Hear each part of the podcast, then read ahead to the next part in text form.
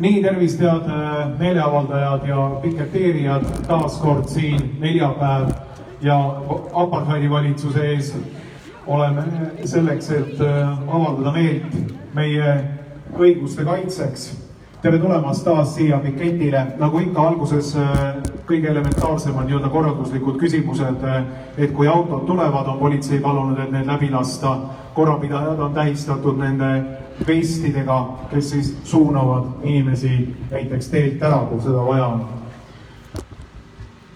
aitäh kõigile veel kord, kes siia on tulnud, meid on ilmselt seekord isegi natukene rohkem kui eelmine kord, vaikselt jällegi võtame seda traditsiooni juba siin ülesse, et iga neljapäeval apartheidi valitsuse maja ees siin meelt avaldada oma põhiseaduslike õiguste kaitseks ma mõtlesin, et esimese asjana ma loeksin ette ühe teksti, mis on Objektiivis avaldatud, aga mis võiks olla põhimõtteliselt suunatud Eesti Vabariigi Teadusnõukojale ja valitsuse teadusnõukojale ja nagu ka kõikidele nii-öelda ekspertidele, kes koroona küsimuses on siin sõna võtnud see on tekst, mida ilmselt võib-olla paljud on juba lugenud, aga siiski on hea see ette kanda, sest äh, kuigi see on kirjutatud äh, Iisraeli valitsuse, valitsusele adresseeritud.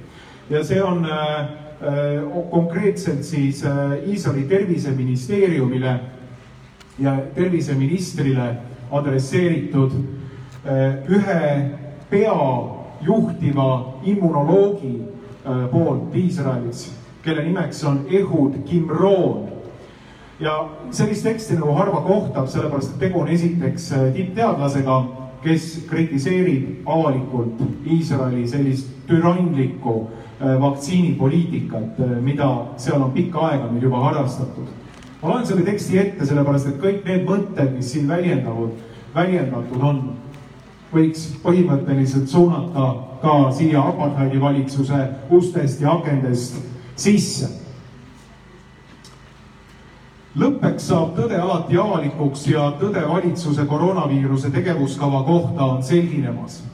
kui hävitavad kontseptsioonid üksteise järel põrmu langevad, siis ei jää muud üle, kui öelda pandeemia haldamist juhtinud ekspertidele, mida me teile rääkisime möödunud on kaks aastat ja te olete lõpuks aru saanud, et hingamisteede haigusi ei saa võita ning iga selline üritus on määratud läbikukkumisele. Te ei tunnista seda, sest te pole viimase kahe aasta jooksul tunnistanud pea mitte ühtegi enda tehtud viga.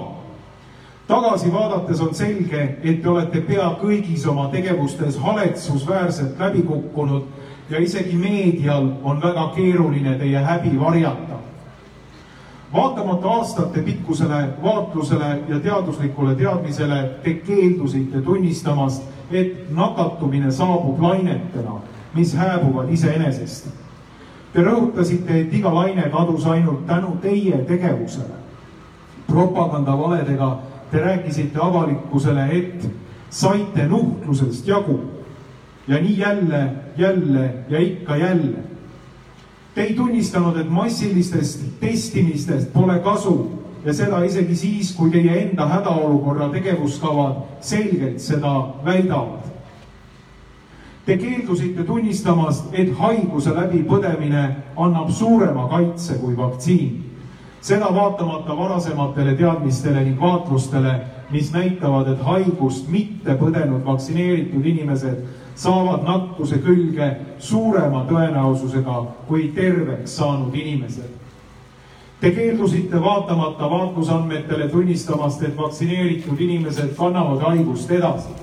sedasi tehes te lootsite saavutada karjaimmuunsuse vaktsineerimisega, millest te samuti põrusite Te eirasite sihilikult tõsiasja, et haigus on kümneid kordi ohtlikum riskigruppidele ja vanematele inimestele, et nooremad inimesed ei kuulu riskigruppidesse ning tegite nii vaatamata juba kahe tuhande kahekümnendal aastal Hiinast pärit teadmistele. Te keeldusite kasutusele võtmast nii Barringtoni deklaratsiooni, millele on alla kirjutanud rohkem kui kuuskümmend tuhat teadlast ja meditsiinieksperti kui muid tervest mõistusest lähtuvalt programme. Te hakkasite hoopis neid teadlaseid ja eksperte naeruvääristama, laimama, nende sõnumit moonutama ning neid häbistama. selle asemel, et kaasata pandeemia haldamisse õigeid inimesi ja kasutada õigeid programme, te panite ametisse eksperdid, kellel pole vastavat haridust valitsuse nõuandjad said füüsikutest, loomaarstidest, julgeolekutöötajatest, meediainimestest ja nii edasi. Te pole võtnud kasutusele tõhusat vaktsiinide kõrvalnähtudest teatamise süsteemi ja te olete oma Facebooki lehelt kustutanud isegi vastavateemalised postitused. arstid hoiduvad tagakiusamise hirmus, nagu te olete teinud mõne nende kolleegiga kõrvalnähtude seostamisest vaktsiinidega. Te eirasite suurel hulgal laekunud teateid menstruaaltsüklite aegade ja menstruatsiooni intensiivsuse muutuste kohta. Te varjasite andmeid, mis aitaksid läbi viia objektiivseid ja korrektseid uuringuid. näiteks eemaldasite andmed Ben Guironi lennujaama reisijate kohta. selle asemel te avaldasite koos Pfizeri kõrgemate juhtidega tõele mitte vastavaid artikleid vaktsiinide tõhususe ja turvalisuse kohta. oma kõrkuse kõrgustest te eirasite tõsiasja, et lõppeks saab tõde alati avalikuks. ja see on juba ilmnemas. tõde on selles, et avalikkuse usaldus teie vastu on enneolematult madal ja te olete kaotanud enda kui tõe allika staatuse tõde on selles, et te olete kasutanud, kasutult kulutanud miljardeid seekleid, siis tegu on loomulikult Iisraeli teadlasega ja ta räägib Iisraeli valitsusele testiti mõtlejate alandamisele, mitte tõhusatele testidele, hävitavatele sulgemistele ja viimase kahe aasta jooksul toimunud inimeste elurütmi segipaiskamisele. Te olete hävitanud meie laste hariduse ja nende tuleviku. Te panite lapsed tundma ennast süüdi, tundma hirmu, suitsetama, jooma, muutuma sõltlasteks, kukkuma koolist välja, üksteisega tülitsema, mida võivad tunnistada koolijuhid üle riigi. Te olete kahjustanud inimeste elatise teenimise võimalusi, majandust, inimõiguseid, vaimseid, vaimset ja füüsilist tervist Te laimasite kolleege, kes teile ei alistunud, te pöörasite inimesed üksteise vastu, lõhestasite ühiskonna ja võtsite kõigilt võimaluse normaalselt asju arutada. ilma igasuguse teadusliku aluseta tegite te inimestest, kes keeldusid ennast vaktsineerimast, rahvavaenlased ja haiguse levitajad. edendate seninägematul viisil hullumeelset diskrimineerimise poliitikat Te piirate inimeste, sealhulgas laste õiguseid ja võimalusi nende meditsiiniliste valikute pärast. Sellistel piirangutel pole mitte mingisugust epidemioloogilist õigustust. kui te võrdlete oma hävitavaid poliitikaid mõne terve mõistusega riigi omaga, siis võite te selgelt näha, et teie põhjustatud hävitustöö on viiruse poolt haavatavate inimeste kõrvale ohvreid ainult lisanud teie poolt hävitatud majandus, inimeste töötus, laste hävitatud haridus. Need on ainult teie tegevuse tõttu tekkinud liigsed ohvrid. täna pole mitte mingisugust meditsiinilist hädaolukorda, kuid te olete kultiveerinud sellist seisundit tänaseks kaks aastat. Te teete seda sellepärast, et te ihaldate võimu kasutada suuri eelarveid ja võimalust inimesi kontrollida ainukene hädaolukord on teie tehtav poliitika ja propagandale ning psühholoogilistele mõjutamistele kulutatud suured summad, mida te võiksite hoopis kulutada tervishoiusüsteemi tugevdamisele. eriolukord peab lõppema. selline on äh, ühe Iisraeli pea äh, immunoloogi avaldus Iisraeli valitsusele. ma arvan, et sellest avaldusest peaaegu iga sõna, välja arvatud võib-olla valuuta nimetus, võiks minna ka meie apartheidi valitsuse pihta. võiks minna ka kõikide nende ekspertide pihta, kes siin on kaks aastat, kaheteistkümnendast märtsist tänavu saab täis kaks aastat, kui need piirangud kehtestati. kaks aastat on seda asja tehtud siin ja on täiesti põhjendatud mõelda, et need piirangud, see apartheid, kõik see, mis siin aset leidis ja on leidnud viimase kahe aasta jooksul. politsei vägivald ja politsei meelevald näiteks äh, Mem Cafe vastu.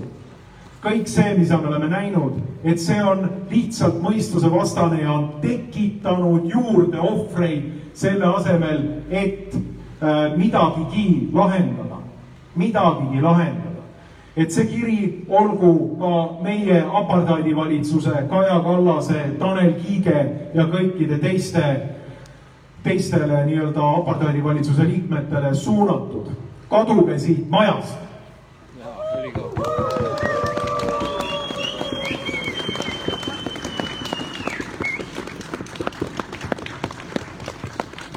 nii, nüüd pidi Varro tulema ka rääkima, et äh, ta on praegu ametis sellise reporteri reportaaži tegemisega, aga kohe tuleb Varro ka, ütleb paar sõna. ja siis äh, räägime muidugi edasi, mikrofon on muuseas avatud, siin on juba Hando Tõnumaa ja äh, teised, kes soovivad äh, samuti sõna, nii et sõna, sõna saab, kui toonitan, teema on ikkagi, ütleme niimoodi, selle meeleavalduse piires, et päris päris nii-öelda igasugusest teemast maailm ja mõnda stiilis pole mõtet rääkida, et võib helistada Kuku raadiosse Rahva Häälde, Vox Populi ja sealt rääkida juttu, et meie oleme siin praegu ikkagi selleks, et protesteerida valitsuse meetmete vastu ja nõuda tagasi endale põhiseaduslikke õigusi, mida valitsus rikub. Varro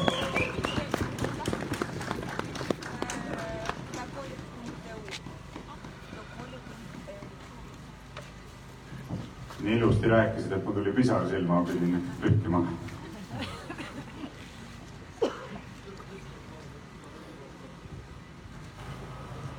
no nii, tervist, head sõbrad, siis ka minu poolt, et äh, aitäh teile, et teid on äh, siin vähemalt kaks korda rohkem kui eelmisel nädalal. vähemalt. Äh, ja alustame jälle sellest, et anname siis hinnangu kohal viibivate inimeste arvule. ega seda väga täpselt ju teha ei saa, kui siin üle loe, aga no kui ma nüüd nii vaatan, kas minu hinnang, et siin võiks olla sada viiskümmend, sada viiskümmend inimest praegusel hetkel umbes, ma arvan, mitte vähem. umbe, umbes niimoodi võiks olla, ma kõiki ei näe ka. et jällegi, kui äh, Delfi või Postimees kirjutab, et kümmekond inimest oli koondunud, siis teame, et valetati vähemalt viieteistkordselt et tõepoolest, sellest tuleb teha nüüd endale harjumus, et vähemalt üks tund või see pool tundi või poolteist tundi, kuidas keegi saab nädalas tulla ja avaldada meelt selle vastu, et meie põhiseaduslikke õigusi süstemaatiliselt ja nüüd juba pikka aega maha surutakse. et kui me tahame, et meile meie õigused tagasi antakse, siis me peame olema valmis seda vähemalt nõudma, eks see on nagu absoluutne miinimum. sellest ei pruugi piisata, aga kui me ei suuda isegi seda teha, no siis pole millestki rääkida. nii et äh, soovitan tungivalt teha mulle kalendrisse märke, et kõikidele järgnevatele nädalatele ettenähtavas tulevikus neljapäeval kell üksteist Toompeal Stenbocki maja juures. ja võtta kasvõi pool tundi või mis iganes aega on kellelgi võimalik võtta, et tulla siia kohale. Ja üheskoos saata väga selge sõnum nendele inimestele seal majas, et see, mida te teete, ei ole olnud vastuvõetav, see ei ole praegu vastuvõetav ja see ei saa mitte kunagi mitte mingil tingimusel vastuvõetavaks. Sellepärast, et tegemist on kuritegevusega, nagu juba korduvalt on siin selgitatud nüüd mul ei ole valmistatud ette kõnet, sest väga raske on pidada iga, iga nädal uuesti mingisugust originaalset uut kõnet, küll aga ma võin lihtsalt rääkida nendest samadest mõtetest, mida on siin juba korduvalt väljendatud. ja mida tuleb ikka ja jälle välja öelda. Ja alustame siis sellest, et, et piirangud, mida meil ühiskonnas siiamaani rakendatakse, nüüd juba viis kuud vist umbes, oli septembri alguses umbes need rakendati, eks, pandi kehtima see vaktsiinipassi süsteem september, oktoober, november, detsember, noh, jaanuar saab ka kohe läbi. viis kuud praktiliselt kohe on pool aastat täis. pool aastat on sajad tuhanded inimesed olnud avalikust elust, ühiskondlikust elust välja tõrjutud lihtsalt sel absurdsel põhjusel, et nad ei ole nõus laskma endale süstida lõpetamata ohutusuuringutega eksperimentaalseid ja ekslikult vaktsiinideks nimetatud aineid, mis peaks pakkuma kaitset viiruse vastu, mis reaalselt ei kujuta endast enamiku inimeste tervisele tõsist ohtu. fakt. sel lihtsal põhjusel on sajad tuhanded inimesed tõrjutud avalikust elust välja. Neilt on võetud ära õigus käia spordiklubides, neilt on võetud ära õigus käia kohvikus, restoranis, ujulas, kontsertidel, kinos, teatris ja isegi vabas õhus toimuvatel spordivõistlustel. nii naeruväärne kui see ka ei ole. valitsus eesotsas Kaja Kallas ja Tanel Kiigega arvab, et näiteks mina, kes ma olen koroonaviiruse läbi põdenud ja kõigi teaduslike andmete kohaselt oman paremat immuunsust kui suur osa süstitud inimestest, ei tohiks osaleda näiteks Tartu maratonil. saate aru? Tartu suusamaratonile ma ei tohi minna, isegi siis, kui ma olen valmis tegema selle PCR testi ja siis nende standardite kohaselt tõendama, et ma ei ole nakatunud ja seetõttu ei saa kedagi teist nakatada. isegi siis Nad ütlevad ei, sellest hoolimata sina ja kõik teised sinusugused ei tohi osa võtta ei Tartu maratonist, ei Võhandu maratonist, ühestki teisest jooksuvõistlusest, mitte millestki, ühestki. jalgpallimängu minna vaatama kuskil, mitte midagi ei tohi teha. Ei tohi minna lastega koos isegi uisuplatsile. ja noh, kõik inimesed, kes omavad elementaarset, minimaalset ausameelsust ja mõtlemisvõimet, saavad aru, et siin ei ole absoluutselt mitte midagi pistmist sellega, et pidurdada ühiskonnas selle kurikuulsa viiruse levikut. see lihtsalt ei ole sellega mitte kuidagi seotud. kogu mõte, mis selle piirangute komplekti taga seisab ja mis sealt juba ammu väga selgelt välja paistab, on lihtsalt ahistada, kiusata ja türanniseerida inimesi sellisel viisil, et nad lõpuks murduksid ning läheksid ja laseksid endale need süstid ära teha. nii ja sellisest eesmärgist lähtuvalt piirangute kehtestamine on absoluutselt ebaseaduslik. on lihtsalt häbiväärne, et kohtunikud ei ole siiamaani suutnud langetada mitte ühtegi otsust, kus oleks ükski piirang tühistatud.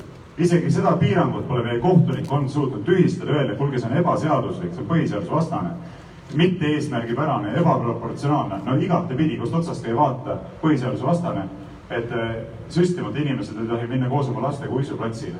no see on naeruväärne, kohtunikkond häbistab ennast täpselt samamoodi nagu poliitikud valitsuses ennast häbistavad ja nagu ajakirjanikud on seda teinud pidevalt neid propagandavalesid korrutades ja inimestele peale surudes nii et äh, tagasi tulles uuesti selle algse punkti juurde, need piirangud on absoluutselt mõistusevastased, tegelikult ka absoluutselt põhiseadusevastased, olgu, olgugi et kohtunikud ei julge, ei ole vähemalt siiani julenud ühtegi otsust langetada. ja, ja sellisena äh, loomulikult absoluutselt vastuvõetamatud. nüüd äh, praeguses olukorras on see kõik saanud veelgi selgemaks, kui see oli varem. on nii? mida ütles meile uue niinimetatud teadusnõukoja juht Toivo Maimets ühes oma esimestest intervjuudest, mille ta andis Vilja Kiislerile. eelmisel nädalal sai sellest siin ka räägitud. Vilja Kiisler küsis, kuulge, mida te ütlete nendele väga paljudele minu sõpradele, kes on teinud omale kolm süsti tublisti ära, nii nagu on nõutud ja on ikka haigeks jäänud, ikkagi on nakatunud, ikkagi põevad seda haigust. ja Toivo Maimets pikalt mõtlema, ta ütleb, no kuulge, et eh, mis te siis mõtlete, eks, et need vaktsiinid on ju töötatud välja hoopis teistsuguse viiruse vastu kui see, mis praegu levib et hea, et nad niigi palju kaitset pakuvad. ja inimene ütleb niisuguse lause avalikult välja, ma ei tea, kas suutmata samal ajal ise aru saada, kui absurdne see on, et sa sinna kõrvale ei ütle seda, et sellisel juhul on ju kogu see tegevus täiesti mõttetu. kõik need piirangud on täiesti mõttetud. täiesti mõttetu on hoida inimesi eemal avalikust elust nõudmisega, et nad ennast süstiksid, kui samal ajal käib jutt süstidest süstimisest ainetega, mis on mõeldud pakkuma kaitset sootuks teistsuguse viiruse vastu kui see, mis meil praegusel hetkel siin levib. no totaalne absurd, eks. millisele põhjendusele tuginedes vallandatakse kaitseväelasi, vallandatakse politseinikke, muuseas vallandatakse ka Kaitseliidust inimesi. just rääkisin paar päeva tagasi ühe tuttavaga Kaitseliidust, kes ütles, et ülemus saatis kirja, et kellel vaktsiinipass aegub, see lastakse lahti Kaitseliidust. tegemist on siis nende inimestega, kes peavad mingisuguseid kaitseväe objekte valvama. et kaitsevägi on ilmselt Kaitseliidule ka sellist survet avaldanud, et, et need inimesed Kaitseliidus, kes valvavad nende objekte, peavad samuti olema süstitud. nii Kaitseliidus samamoodi, Päästeametist keeratakse survet peale, kiirabist, eks, endiselt. haiglatest, Viljandi haiglast, nagu teame, lastakse lahti inimesed sellepärast, et nad ei ole valmis laskma endale süstida aineid, mis on mõeldud pakkuma kaitset viiruse eest, mida enam reaalselt ei ringle. no selline absurd, et noh, ei tea, mida selle peale öelda. rääkimata sellest, et isegi need viir-, isegi see viirus, mille vastu need ained on välja töötatud, ei ohusta enamikku inimesi nii või teisiti tõsiselt ja selle tõttu need inimesed nii ehk naa ei vaja seda süstimist. nüüd teine asi, mida ütles seesama Maimets, kui me juba siinjuures oleme, selles samas intervjuus. Vilja Kiisler küsis, mis mõtet on seda näolappi kanda, et minagi kannan seda bussis või äh, trollis või kaubanduskeskuses üksnes sellepärast, et mitte trahvi saada. ja Maimets ütleb selle peale seda, et noh, jah, ega ta väga suurt kaitset ilmselt ei pakugi, mingil määral ilmselt pakub, aga noh, jutt on ka sihuke, et võib-olla umbes nii palju või umbes naamoodi on näha, et tal ei ole mingit arusaamist sellest, palju ta pakub või ei paku. aga see on oluline sümboolselt, et väljendada hoolivust, väljendada hoolivust. ja nüüd jällegi mõtled, no milline absurd, noh, annab välja mõelda sellist absurdi, et valitsus eesotsas Kaja Kallase ja Tanel Kiigega võtavad vastu korraldused, panevad kehtima korraldused, millega nad panevad politseinikud mitte ohjeldama kuritegevust ehk seda, mis on nende tegelik kutsumus ja tegelik ülesanne milleks nad on väljaõppe saanud, eks, nii koolis kui ka igasugustel täiendkoolitustel, nad panevad neid eh, jõlkuma mööda busse, tramme ja trolle ja kaubanduskeskusi, kohvikuid ja muid kohti, et ahistada inimesi, kes siis ei kanna näo ees seda mõttetut lappi või kes isegi kannavad seda, aga ei kanna seda nõuete kohaselt, saate aru? et näiteks ninale ei ole piisavalt kõrgele see tõmmatud, siis politseinikud peavad raiskama nüüd seda õiguskaitseressurssi, et äh, ahistada selliseid inimesi ja teha neile trahvi. no täielik absurd ja ma olen rääkinud mitmete politseinikega, kes on mulle isiklikult öelnud, et see on meile täiesti alandav äh, ja noh, sügavalt vastumeelne, et me peame sellist asja tegema Äh, üks politseinik, kes lahkus töölt, ütles mulle niimoodi, et mul on tohutult hea meel, et ma ei pea selle jamaga enam tegelema, et lihtsalt piinlik oli inimeste ees, noh. ja ma pean käima äh, bussides ja ahistama inimesi selliste asjadega, eriti väiksemates linnades, kus noh, kõik tunnevad kõiki, onju. Vaatad silma, mõtled, no joh ei tii, noh. häbi lihtsalt, noh. su enda sõbrad, su oma naabrid, su laste, koolikaaslaste vanemad, onju.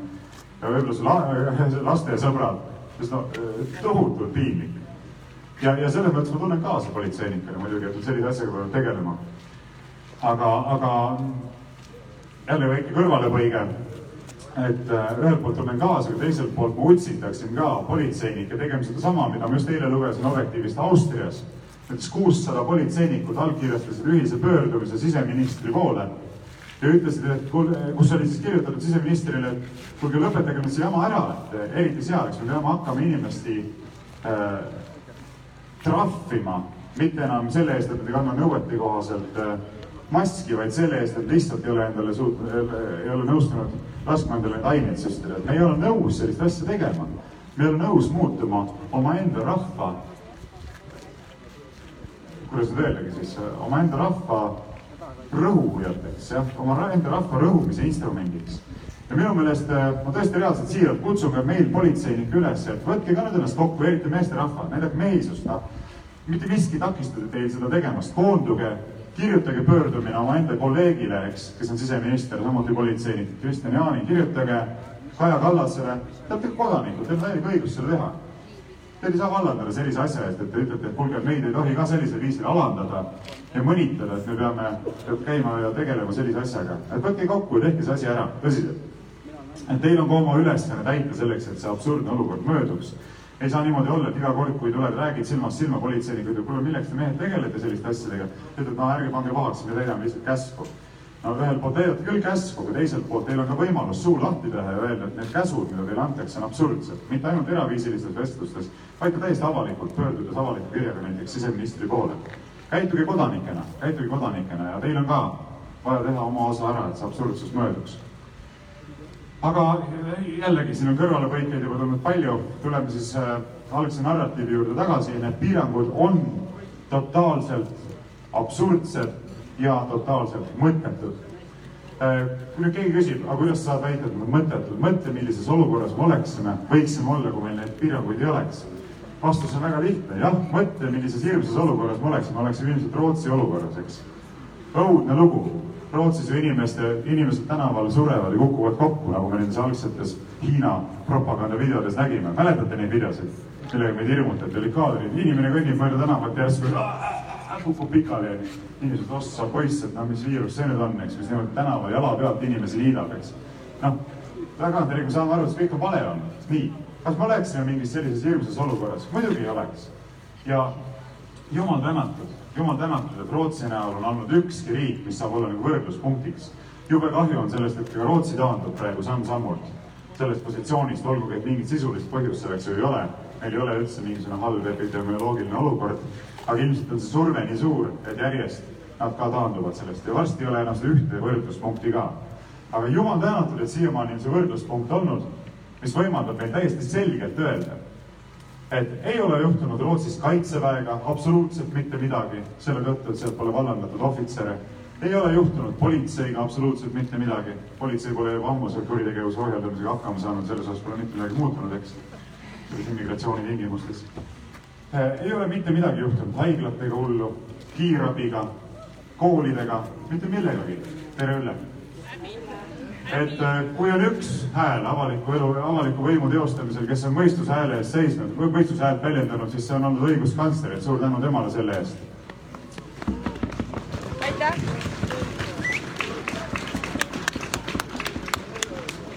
aga me teame et Rootsis ei ole mitte midagi hullu juhtunud, olukorras, kus ei ole selliseid absurdseid piiranguid kehtestatud ja selle tõttu me saame ka väga selgelt vastata nendele inimestele, kes meile ütlevad, et ilma nende piiranguteta meil oleks siin apokalüpsis saabunud, et te lihtsalt ajate jama suust välja.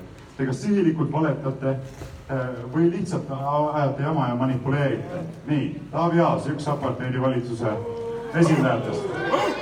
palju õnne teile, härra Aas, te lähete ajalukku aparteidi valitsuse esindajana häbi. loomulikult tuleb nägu naerule, kui ise omate kõiki kodanike õigusi ja ei pea selle türanni all kannatama, aga mõelge teiste inimeste peale ka. laske lastel minna näiteks uisuplatsile koos vanematega, ei ole hullu midagi. ei saabu maailma lõppu sellest. nii et äh, veel kord hüppame jälle tagasi me teame väga hästi, et need piirangud on mõttetud, sellepärast et mitte midagi ei oleks juhtunud Rootsi näitel, me teame seda, kui neid ei oleks kehtestatud, absoluutselt mitte midagi, päevagi ei ole seal kehtinud ja nüüd juba kehtib mingil piiratud määral, aga varem ei ole seal kehtinud vaktsiinipasside süsteemi, ei ole seal päevagi kehtinud maskikohustust, mitte midagi pole olnud. olukord on epidemioloogiliselt parem kui Eestis nii et veel kord, Kaja Kallas, Tanel Kiik, te olete kurjategijad, te rakendate sihiteadlikult sellist eh, inimeste põhiseaduslike õiguste mahasurumise programmi, eh, mis on, mis on kuritegelik, see on karistusseadustiku paragrahvis kaheksakümmend üheksa kirjeldatud inimsusevastase kuriteona. Te olete lihtlabased kurjategijad, nagu on mingisugused taskuvargad, ainult et teie kuritegevus on väga palju suurema mastaabiga, sellise mastaabiga et see omandab teatava sellise lugupeetavuse aureooli, aga tegelikult ei ole põhimõtteliselt oma tegevuses mitte kuidagi erinevad. täpselt samasugused närukaelad, täpselt samasugused kurjategijad. ja see ei ole mitte kuidagipidi aktsepteeritav. nüüd äh, jah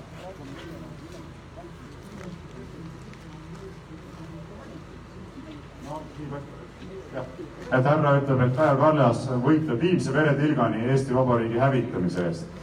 et noh, ausalt öeldes nii paistab küll, vaadates, mis toimub meie riigikaitsesektoris, vaadates, mis toimub meil energiasektoris, vaadates, mis toimub inimeste põhiseaduslike õiguste mahasurumisega, mis toimub äh, ühiskondliku usalduse hävitamisega, mina arvan, et see on tegelikult adekvaatne hinnang. tegelikult tegeletakse ühiskonna ja riigi hävitamisega.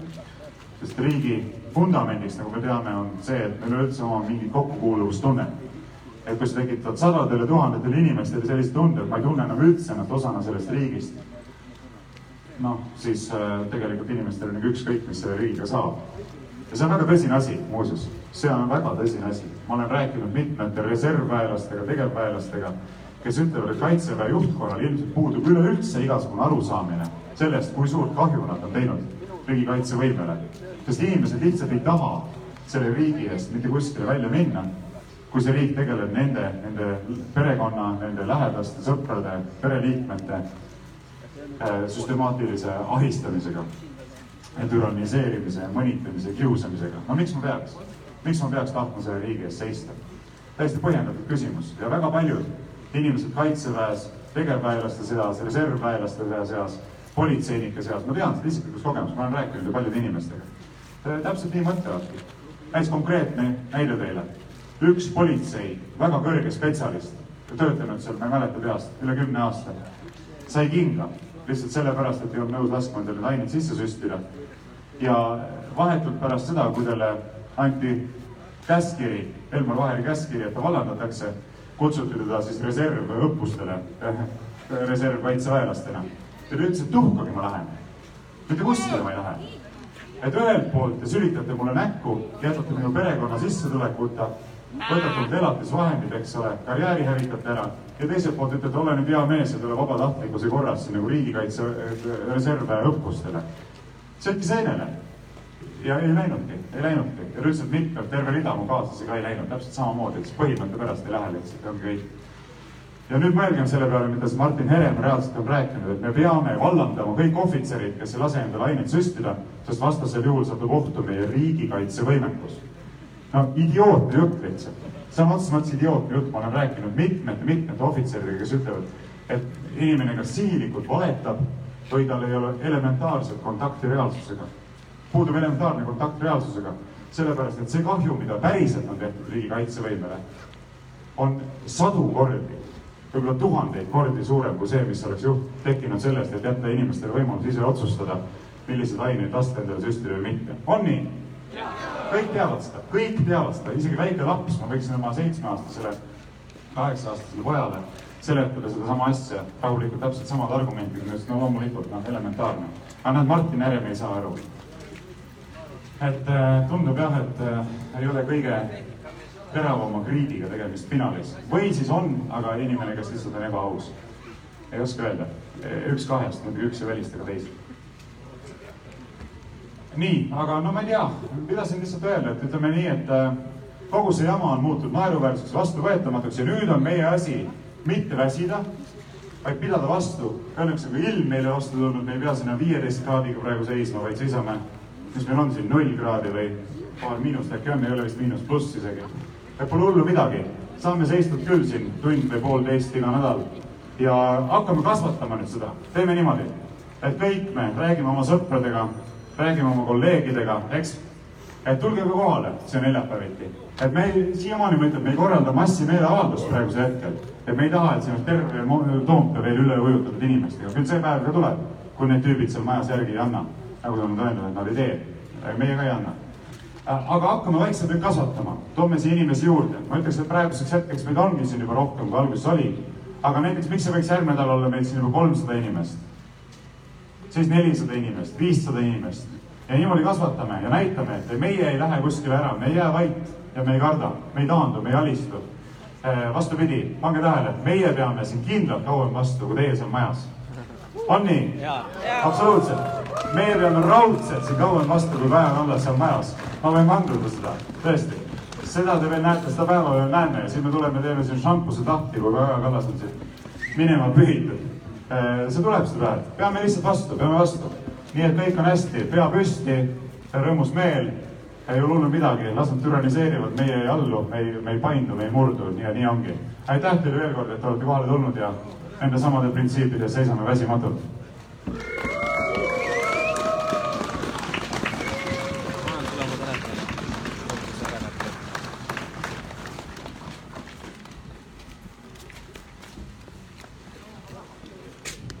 Aitäh, Varro. Äh, kaks uudist, äh, võib-olla mõned juba lugesid, aga me saime sealt äh, Terviseametist ja Sotsiaalministeeriumist teada siukse asja, et kõik koroonasurmad, mis Eestis on olnud, üheksakümmend üheksa protsenti need patsiendid olid kaasuvate haigustega.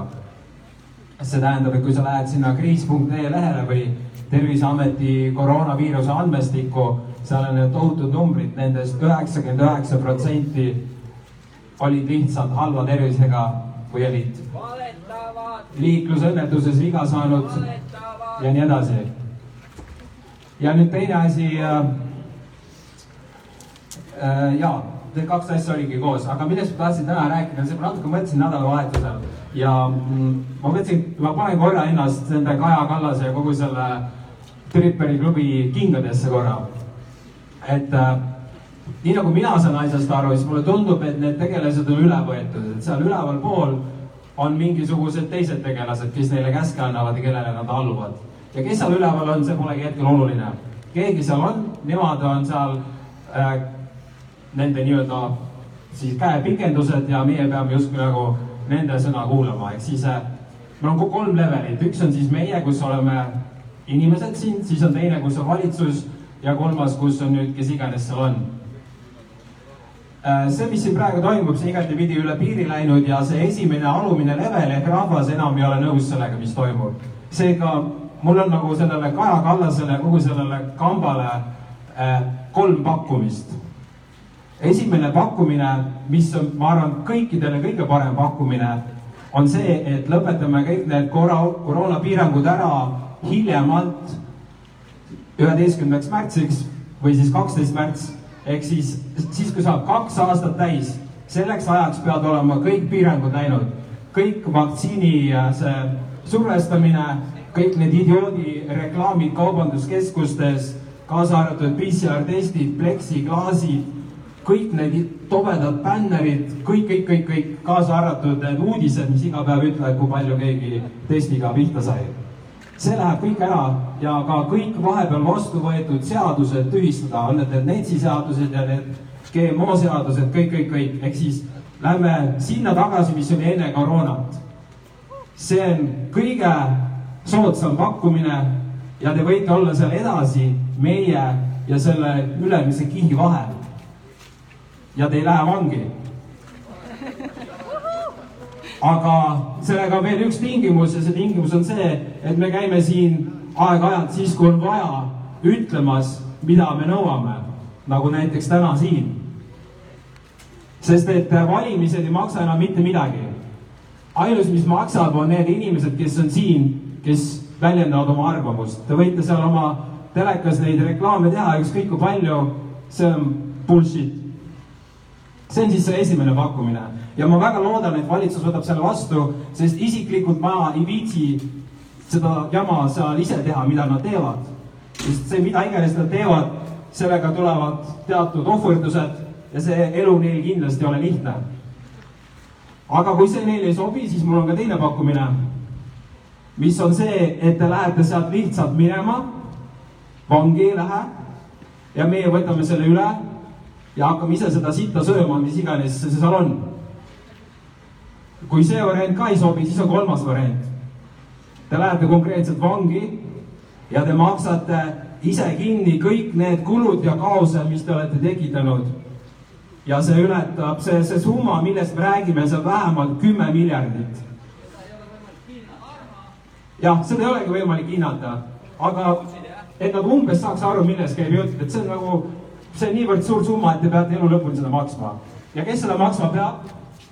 kõik need, kes on selle poliitikaga olnud seotud, kõik, kõik need Riigikogu tüübid, kes olid sealt sellel lainel, kõik erakonna tüübid, kõik äh, need faktikontrollid ja staararstid ja mingisugused Postimehe omanikud ja kõik siuksed tüübid, kõik survestajad.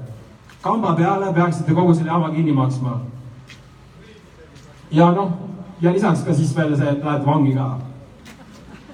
Et need on nagu kolm pakkumust, pakkumist, nagu ma ütlesin, ma eelistan esimest ma teen hea meelega midagi muud ja lihtsalt lõpetage see ära, lähme sõpradega laiali, anname andeks ja see oleks kõige lihtsam kõikidele.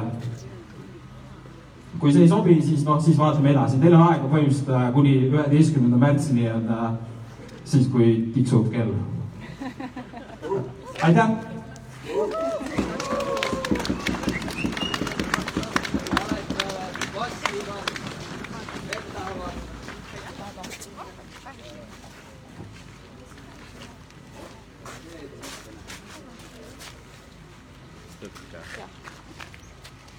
Tere ilusat hommikut kõigile, nii tore on teiega siin koos olla.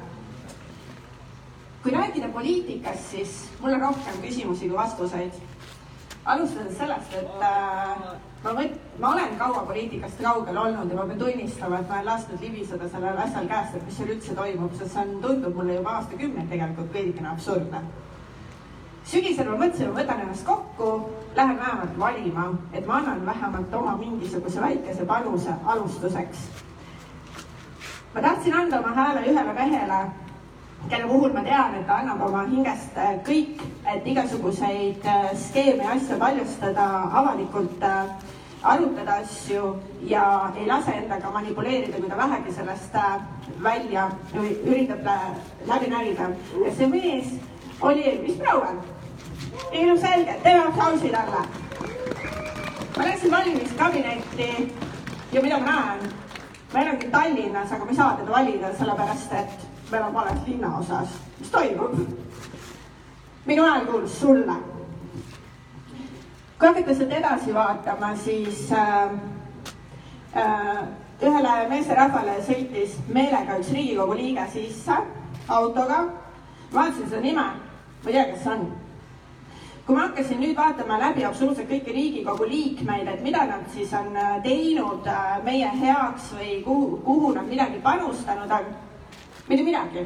seal on käputäis inimesi, kes julgevad olla nemad ise, ka siis, kui äh, kõik ei ole nõus nende vaadetega, nad julgevad välja öelda. ja neid on ikkagist väga-väga-väga vähe. mis toimub, miks need inimesed seal on, miks me neid toidame?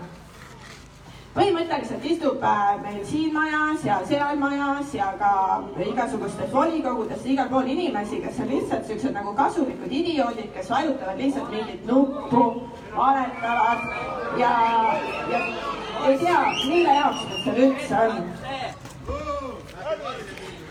meil on ju kogu see aparaat kokku pandud selleks, et meie korjaksime oma rahad kokku, ühiselt teeksime igasuguseid äh, toredaid asju, mis meil on vaja, koolid ja teed korda ja nii edasi äh,. meil on politseinike asemel inimesed, kes kontrollivad, kas meil on mingid lapid ees või mitte. sõjavägi lastakse lahti, meditsiinitöötajad lastakse lahti, koole peame me ise tegema, minu laps on koduõppel, sellepärast et koolisüsteem on äh, Pole neidki muudatusi tehtud, mis Soome kümme aastat tagasi tegi. Äh, tuletõrjujad on vabatahtlikud, aga kuhu meie maksuraha siis läheb, mille jaoks te seda siis kodid, kui kogume üldse? et see poliitika on igatpidi nii rappa juba läinud. mul ei ole täna ausalt öeldes südames usku, et siis, kui Kaja Kallas ja Kiik siit äh, lähevad, et siis tuleb asemele keegi, kes midagi paremini suudab teha, et ma loodan, et äh, nad tõestavad mulle vastupidist. aga mis mina tahaksin täna väga kutsuda üles, on see, et ärme ole nagu mina siiamaani olen olnud, ehk siis äh, hoidnud ennast poliitikast eemale. oleme kohal tõesti, tuleme siia iga kord, kui tuleb mingisugune otsus, mis on ilmselgelt äh, rahva heaoluga äh, ei ole kooskõlas, tuleme siia, ütleme seda leiame üles ka selle IT-mehe, kes neid äh, hääli seal, eks ole, krutib ja neid pensionäre igasugusteid äh, numbreid äh, seal teab. see on ju kuskil olemas. leiame ta üles, paljastame kõik selle jama siit äh, rõõmsalt ja muudame kogu selle süsteemi ära. jah, see ei võta võib-olla ühte päeva, võtab natuke rohkem, aga me suudame seda, sest me ei pane enam silmi kinni, vaid me vaatame ja me näitame luubiga kõiki neid hunnikuid nüüd, tänasest päevast, iga aasta, iga sekund, kui see on vajalik. missugust poliitikut mina siis tahan näha? ma tahan näha seda, kes saab aru, et niisugune asi nagu riigisaladus ei saa olla, sellepärast et riik on rahvas, rahva eest ei saa olla saladusi, kui sa nende eest otsuseid teed. igasugused sellised seadused peavad konkreetselt kaduma ma tahan sellist poliitikut, kes ei lähe lihtsalt selleks, et mingisugusest pilti teha kuskil äh, sinna supikööki, vaid läheb, istub päriselt selle Balti jaama koltsiku kõrvale maha ja kuulab, mis on tema elulugu ja üritab aru saada, et kuidas on vaja toetada seda inimest. Ma tahan sellist poliitikut, kes läheb ärimehe juurde, istub maha ja vaatab, kuidas tema saaks äh, toetada seda, et ärimees saaks lihtsamalt väärtust tuua, ilma et ta kedagi teist sellega kahjustaks. ma tahan poliitikut, kes julgeb ise öelda, mida tema arvab, mitte ei vajuta lihtsalt nuppu seda või värvi, mida esimees ütles. Elvist ei oleks ma valinud sellepärast, et ta kuulub mõnda parteisse. Elvist ei oleks ma valinud sellepärast, et ta oli uhkel plakatil või kuskil telereklaamis.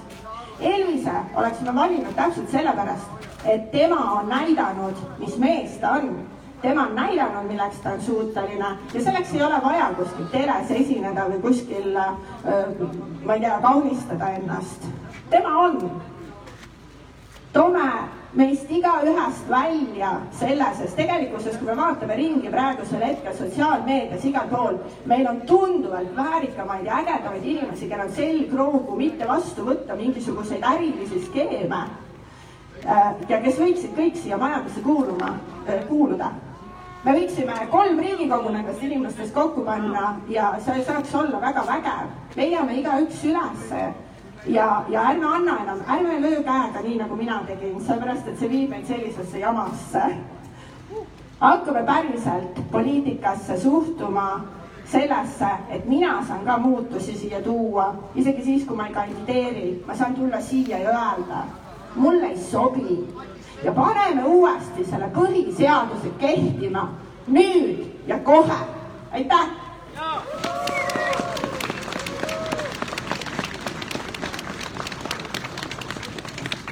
häid uudiseid vahepeal, nimelt inimesi on juurde tulnud ja üks kodanik luges meid üle ja ütles, et vähemalt sada seitsekümmend inimest on praegu juba nii, et äh, palju õnne meile palju õnne, et äh, siin hakkab vaikselt kogunema inimesi ja see äh, traditsioon, mis, mille me siin koos oleme loonud, äh, hakkab ilmet võtma. ja idee, et Kaja Kallase apartheidivalitsus mureneb ja lahkub siit, see idee paneb, paneb naeratuse ilusti suule sest Kaja Kallase valitsus siit lahkub varem või hiljem ja pigem varem.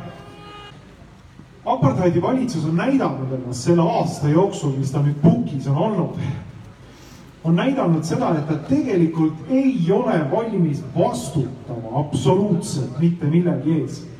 mitte millegi ees, et tundub, et see inimene, kes seal praegu on, seal Stenbocki majas peaministri positsioonis, nagu Hando ütles väga õigesti, et tundub, et ta on kellegi teise käe pikendus, et tema ise ei ole see inimene, kes seisab, vastutab nende otsuste eest, mida ta teeb. on mingisugune muu instants, kes sellest, et sellest, mida Valdur Mikita ütles välja mõned aastad tagasi, tundub nagu oleks meie enda maa, meie enda valitsus, meie enda poliitikud muutunud tülgastavaks koloniaalvõimuks. tülgastavaks koloniaalvõimuks, seesama idee või seesama mõte tuleb, kui me vaatame seda, kuidas Kaja Kallase valitsus kohtleb omaenda rahvast niimoodi kohtleks inimesi kolonialistid, niimoodi kohtleks inimesi mingisugused tüübid, kes oleks kuskilt, ma ei tea, Briti äh, või, või mingisuguse muu, kui me vaatame seda, kuidas Kaja Kallase valitsus kohtleb omaenda rahvast. niimoodi kohtleks inimesi kolonialistid, niimoodi kohtleks inimesi mingisugused tüübid, kes oleks kuskilt, ma ei tea, Briti või, või mingisuguse muu impeeriumi poolt saadetud äh, äh, põlisrahvast ohjeldama.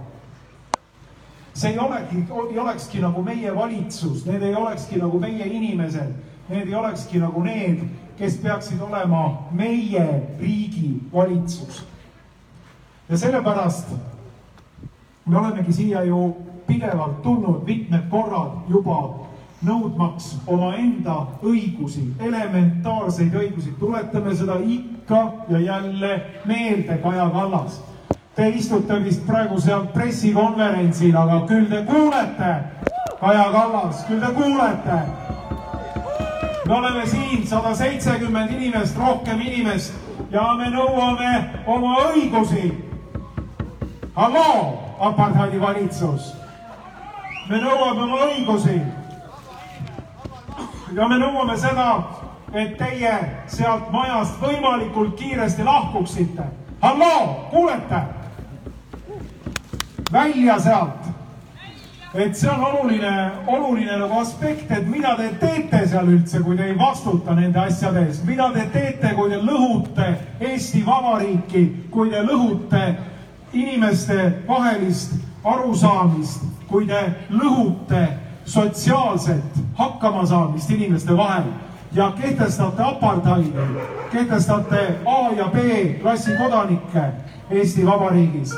mida te teete seal üldse? välja! ja kui hakata mõtlema selle peale, et kus on ühiskonnas nüüd need hääled, kes meie liberaalses demokraatias on nõudnud seda, et liberaalse demokraatia üks peamiseid, üks peamiseid mõtteid on see, et demokraatia kaitseb vähemusi, vähemusi. et demokraatia on see, mis tõesti nii-öelda on vähemuste kaitseks, et enamus ei saaks survestada vähemusi kui palju meile seda juttu on aetud uksest ja aknast ja igast võimalikust telekanalist, kus on kõik pahemliberaalid, kõik Tallinna Ülikooli äh, akadeemikud ja mitteakadeemikud, kus te olete oma vähemuste kaitsega praegu, kui see apartheidi valitsus on kehtestanud riiklikud sunnimehhanismid ja apartheidi neljakümnele protsendile Eesti Vabariigi kodanikest, kus teie nüüd olete? kuuskümmend protsenti on põhimõtteliselt pretsedenditul viisil survestanud ja äh, istunud neljakümne protsendi rahva õiguste peale. kus te nüüd olete, head liberaalsed demokraadid? ahoi, kus te olete? Kus on äh, see teie vabaduse ja demokraatia hääl, mida olete kümneid aastaid siin rääkinud? mitte kuskil, te olete diktatuuriga ja apartheidiga pesti löönud. Te olete kaasajooksikud, teie, kes te olete meedias, teie, kes te olete poliitikas, kõikvõimalikud sotsialistid, kõikvõimalikud liberaalid, liberaalid olete ju teie seal Stenbocki majas, liberaalid kes on kehtestanud apartheidi, no tule taevas appi, nagu keegi teie parteist ütles. Teie olete liberaalid, nii et põhimõtteliselt ei ole meil Eesti Vabariigis olukorda, kus kõik need, kes võiksid olla äh, vabaduste kaitsel, need, kes on rääkinud vähemuste kaitses, demokraatias, nende suu on lukus, sest Nad istuvad süsteemi orjadena seal süsteemi sees. Nad on süsteemi kaitseks välja astunud. ainukene asi, mis nendele üldse korda läheb, on süsteemi kaitse. Nemad on need, kes põhimõtteliselt äh, on äh, peamised süsteemi, äh, süsteemi kaitsel väljaolijad ja siis nad peavad ennast veel vabadusvõitlejateks, no tere talv tere talv, ütleme niimoodi, et maskid on kogu selle kaheaastase maskistamise jooksul langenud, langenud nii Eestis kui Euroopas kui igal pool. kõik need jõud, kes on rääkinud vabadusest, on tegelikult seda teinud süsteemi huvides ja nad ei seisa vabaduse kaitsel. aga seda teeme meie, kes me oleme siia praegu kokku kogunenud. vabaduse kaitsel seisame meie siin need, keda need niinimetatud vabaduse prohvetid ja liberaalid pidevalt sõimavad, nimetavad, sildistavad. meie oleme need, kes seisame siin tõeliste kodanikevabaduste, põhiseaduse kaitsel olukorras, kus Vabariigi Valitsus ja Kaja Kallas on rikkunud põhiseadust ja sellepärast ta peab sealt Stenbocki majast, aulisest majast ka minema, minema, välja. Välja, Kaja, välja.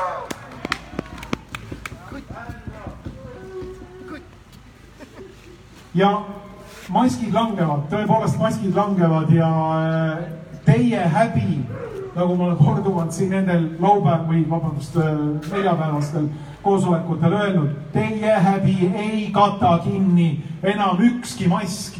Te võite omale laduda neid mitu tükki näo ette, neid mähkmeid, need ei kata kinni teie tulevast häbi. see häbi jääb. ja teid hakatakse veel tirima kohtutesse inimsusevastaste kuritegude vastu. ja te lähete välja ja meie seisame siis, kui maskid langevad ja siis, kui äh, äh, müürid langevad, siis need inimesed, kes seisavad tõelise vabaduse kaitsel, need jäävad ja nendele hakatakse alt üles vaatama. aitäh teile, head inimesed, et te olete siia kokku tulnud. aitäh juba nüüd siis üle saja seitsmekümne inimese, kes siia on kokku tulnud, seisavad meie vabaduse eest igal neljapäeval. tegelikult te teete teene kõikidele inimestele siin Eesti Vabariigis. Teie olete avantgaard, teie olete eliit, kes seisab põhiseaduse kaitsel Eesti Vabariigis. Te teete teene kõikidele nendele inimestele, kes ei julge tulla kohale oma õiguste kaitseks seisma see on tohutult oluline, mida me siin teeme. aitäh teile kõikidele